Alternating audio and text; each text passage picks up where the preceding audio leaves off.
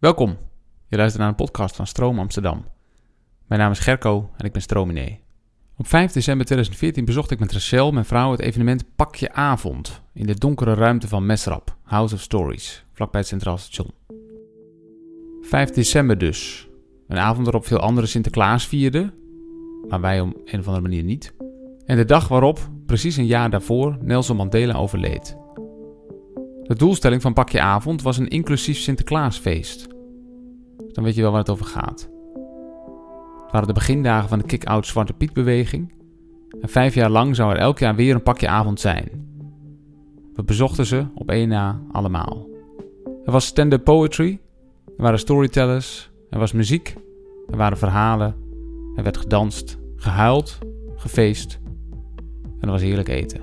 En bij een van de pakje avonden meldde zich voor het eerst Patrick Maturin in de rol van Zwarte Sint. Het publiek was uiteraard mega divers. Ik, als witte hetero, was flink in de minderheid. Niet dat het een probleem was. De sfeer was hartelijk. En hoewel sommige toespraken bol zaten van opgekropte woede, meestal toch op de een of andere manier meer gericht op mensen zoals ik dan op mensen zoals de spreker, en de emoties soms hoog opliepen, voelde ik me niet onveilig. Tenminste, zolang als ik mijn mond hield. Ik herinner me één keer dat ik dat lastig vond.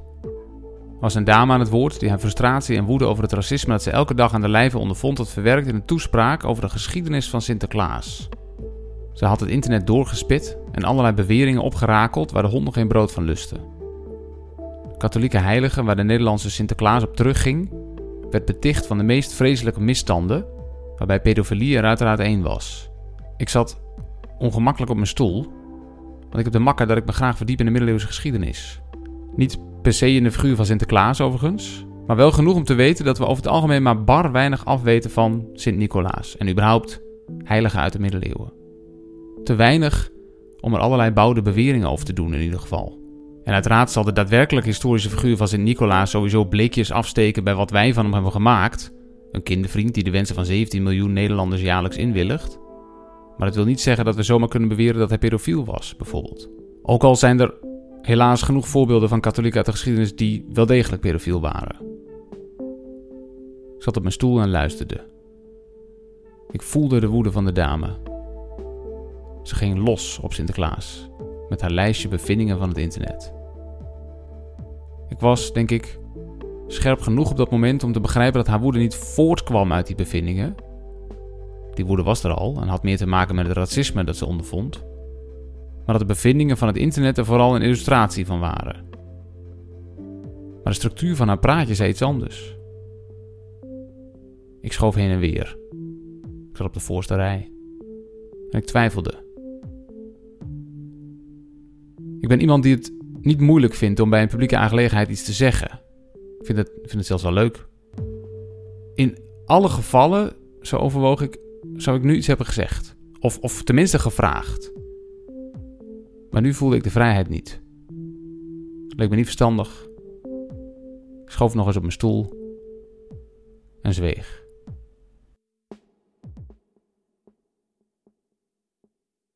Het komt niet vaak voor dat ik me zo onvrij voel om iets te zeggen. Praktisch, praktisch nooit eigenlijk. Het is ook niet een prettig gevoel. Geen gevoel dat ik graag zou willen opzoeken. Sterker nog, ik heb een leukere avond als ik wel iets zeg. Een vraag stel, iets toevoeg. En al zit het op mijn stoel terwijl een dame voor mij allerlei historische vermeendheden aan het opsommen was, had ik al mijn rationele vermogens nodig om voor mezelf goed te praten dat ik niks hoefde te zeggen. Bijna bij het hooghartige af ik er nu zo over nadenk. Ik deed er goed aan om deze dame te laten uitrazen. Ik faciliteerde een uitlaatklep voor haar woede. Was ik op de een of andere manier toch nog goed bezig? Hmm. Komt niet vaak voor dat ik me zo onvrij voel als die avond, maar ik denk wel dat het vaker zal voorkomen. Was het alleen omdat onze hedendaagse wereld bol staat van deze onderwerpen identiteitspolitiek, wokeism. Geef het een naam. Je merkt het aan de hoeveelheid beladen woorden. Steeds vaker zijn er woorden die je eigenlijk niet mag gebruiken. Zo is tegenwoordig het woord blank, als in blanke Nederlanders, geen handige term meer. Mijn kinderen zouden vroeger halfbloed worden genoemd, Maar tegenwoordig is dubbelbloed meer in zwang. Zwarte Piet is in relatief korte tijd uit de gratie geraakt. Allochtoon en autochtoon wordt liever niet meer gebruikt. Het dames en heren van de NS wordt ingeruild voor beste reizigers. Niet iedereen hoort zichzelf in de categorie hij, zij, hem of haar vallen. Je kunt op Twitter aangeven als je dat liever anders ziet. En ik vraag me tegenwoordig steeds vaker af of ik nou wel of niet vrouwelijke vormen van bijvoorbeeld een beroepsgroep moet gebruiken. Is Claudia de Brij een cabaretier of een cabaretière? Wat zou ze eigenlijk zelf liever willen? En moet ik daar dan wel of niet rekening mee houden? Deze discussies worden flink fel gevoerd vandaag de dag. Ze creëren mega veel irritatie en zeer regelmatig woede. Interessant eigenlijk. Taal heeft blijkbaar invloed op hoe veilig ik mij voel. In een bepaalde talige context kan ik me wel of niet op mijn plek voelen. Ik voel me beknot als er woorden zijn die ik niet meer mag gebruiken, maar die wel in mijn vocabulaire zitten. Blijkbaar zijn het mijn woorden. Ik, ik hecht daaraan. Je zou zelfs kunnen zeggen: ik woon erin. Ze passen me als een jas. Het kost me moeite om er vanaf te komen. Ik heb een transgender huisgenoot en het heeft me misschien wel vier maanden gekost om van zij en haar naar hij en hem te verhuizen. En, en dan, dan deed ik ongelooflijk mijn best. Ik, woon in mijn woorden. Mijn woorden scheppen de omstandigheden waarin ik me thuis voel. Op mijn plek. En, en dus ook andersom. In de context waar mijn woorden niet oké zijn, verdacht of ongevoelig, voel ik me snel verweest.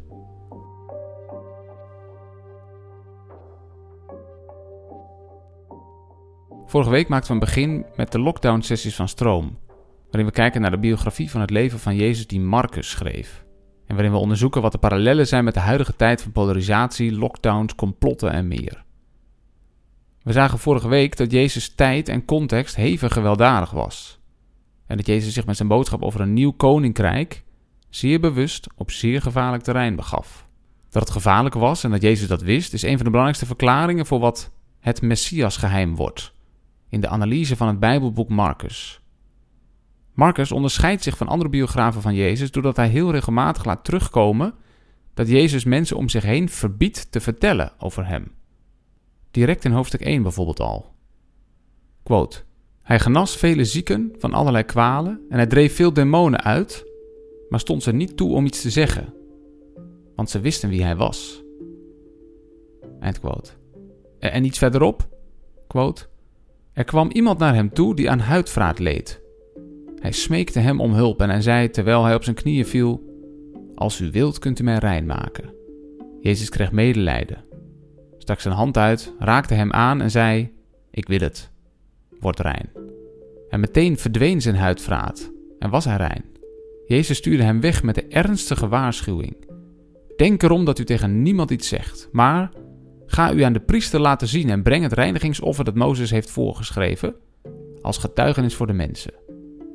Want toen de man vertrokken was, ging hij overal breed uit rond vertellen wat er gebeurd was, met als gevolg dat Jezus niet langer openlijk in een stad kon verschijnen, maar op eenzame plaatsen buiten de steden moest blijven.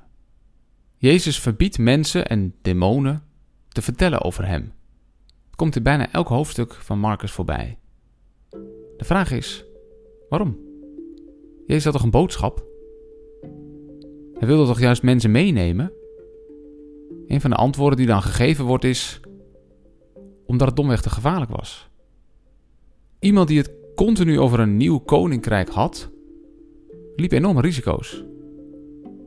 Jezus, zo zagen we vorige week, was ook niet de enige en de eerste die dit riep.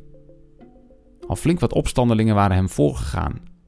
Allemaal probeerden ze de macht te grijpen en de Romeinen te verjagen en allemaal moesten ze het met de dood bekopen.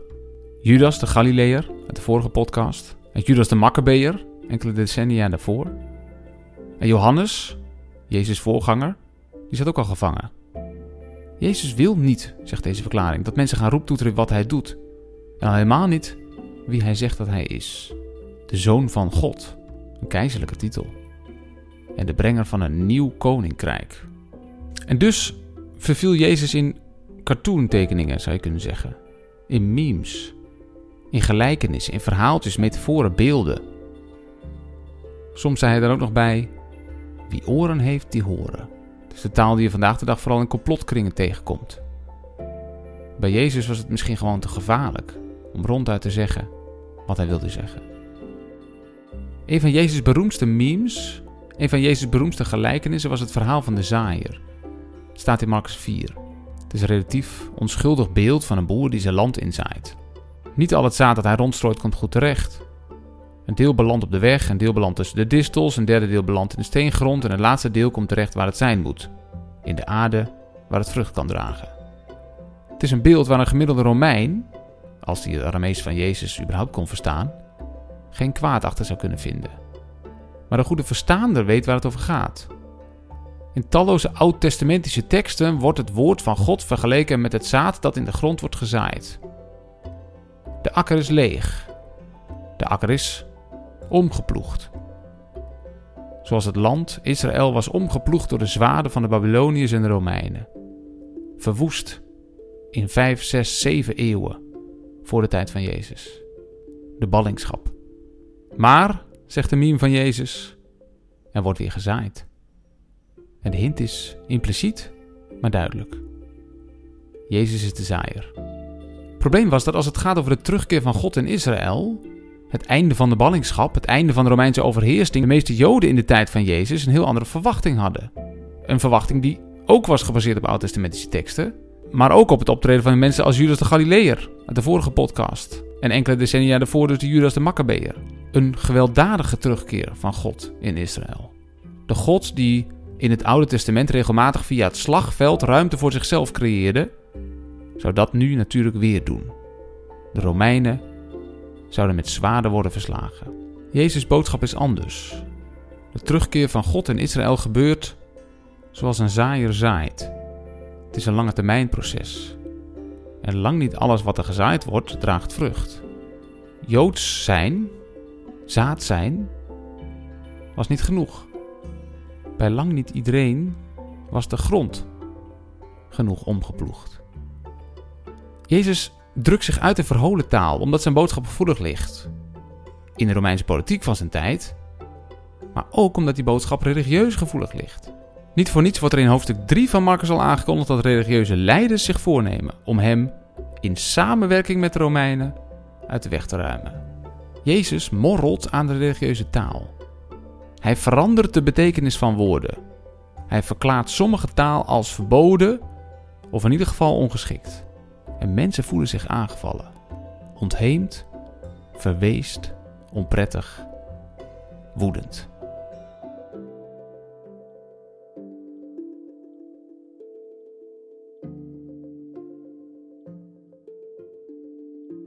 Ik vind het wel vet eigenlijk. Als ik me zo een beetje verdiep in deze materie, in Marcus, in Jezus, zoals Marcus het beschrijft, dan bevalt me dat wel. Maar, maar dan moet ik goed opletten. Want zeggen, het bevalt me wel, betekent meestal, het past in mijn plaatje. Het past in mijn bubbel. Het past in mijn taalveld. Jezus zit in mijn kamp. Maar, maar ik bedoel het net iets genuanceerder. Want Jezus strijdt niet op één front tegen de Romeinen, maar op twee. Hij strijdt ook tegen de Joden, ook tegen zijn eigen cultuur, traditie, familie. Jezus ligt tot aan zijn kruisdood aan toe met praktisch iedereen in de clinch. Jezus was een hoog irritant figuur, echt mega irritant. Hij hulde zich in taal waar mensen die vandaag de dag irritant zijn, zich in hullen. Je ziet het pas als je het door hebt, zeggen ze. Open je ogen. Denk zelf. Gebruik je gezond verstand. Word wakker. Ik vind dat ergelijk gezwets van mensen die het licht denken te hebben gezien. Wat ik ergelijk vind, is niet zozeer dat mensen anders durven te denken. Dat, dat vind ik eigenlijk wel cool zelfs. Maar, maar vooral als het een soort borstklopperij wordt. Een soort zie je wel, ik zei het toch.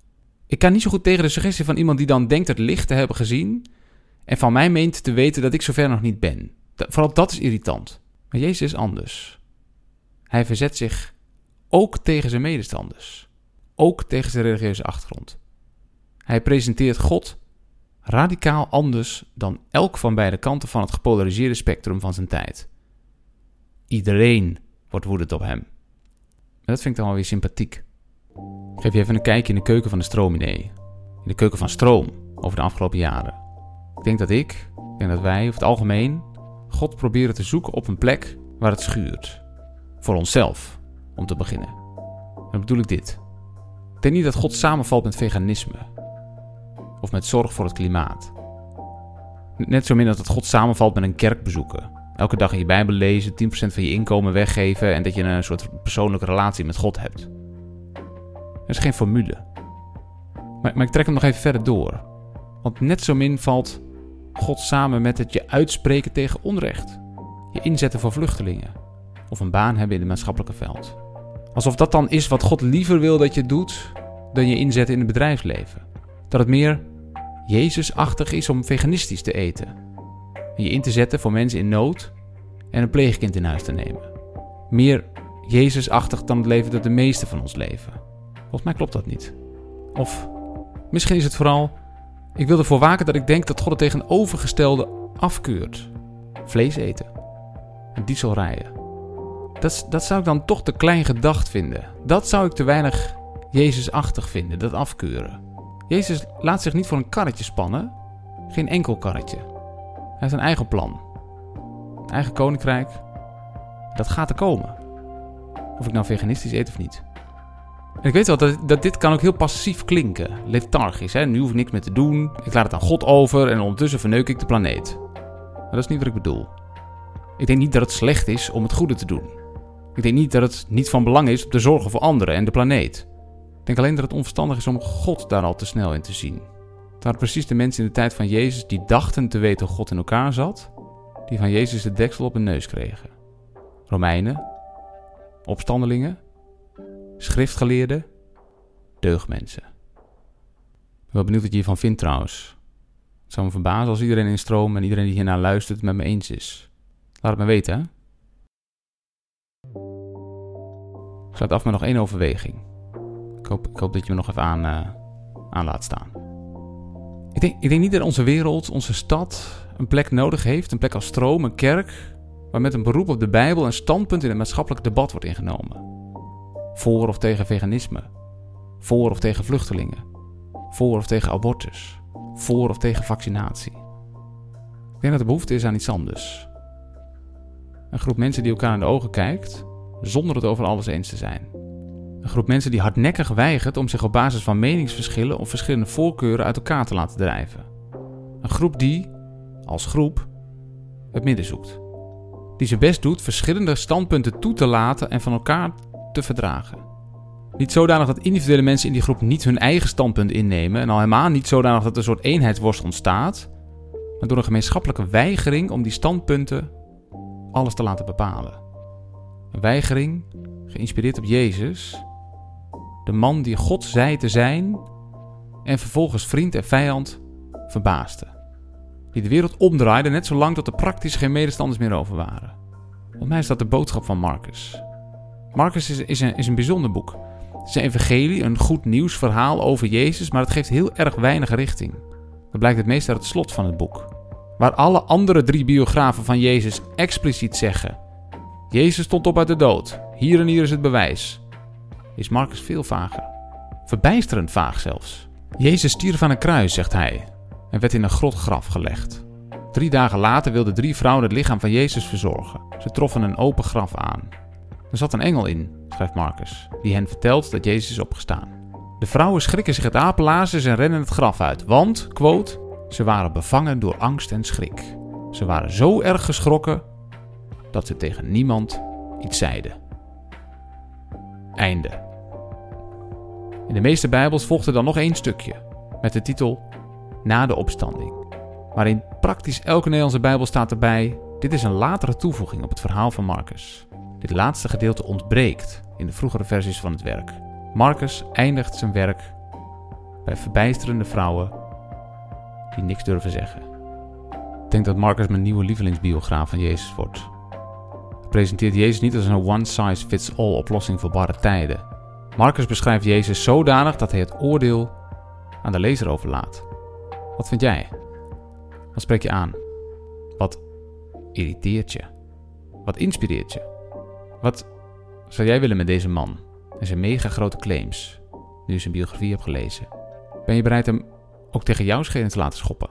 Ben je bereid hem jouw woordveld ondersteboven te doen kegelen?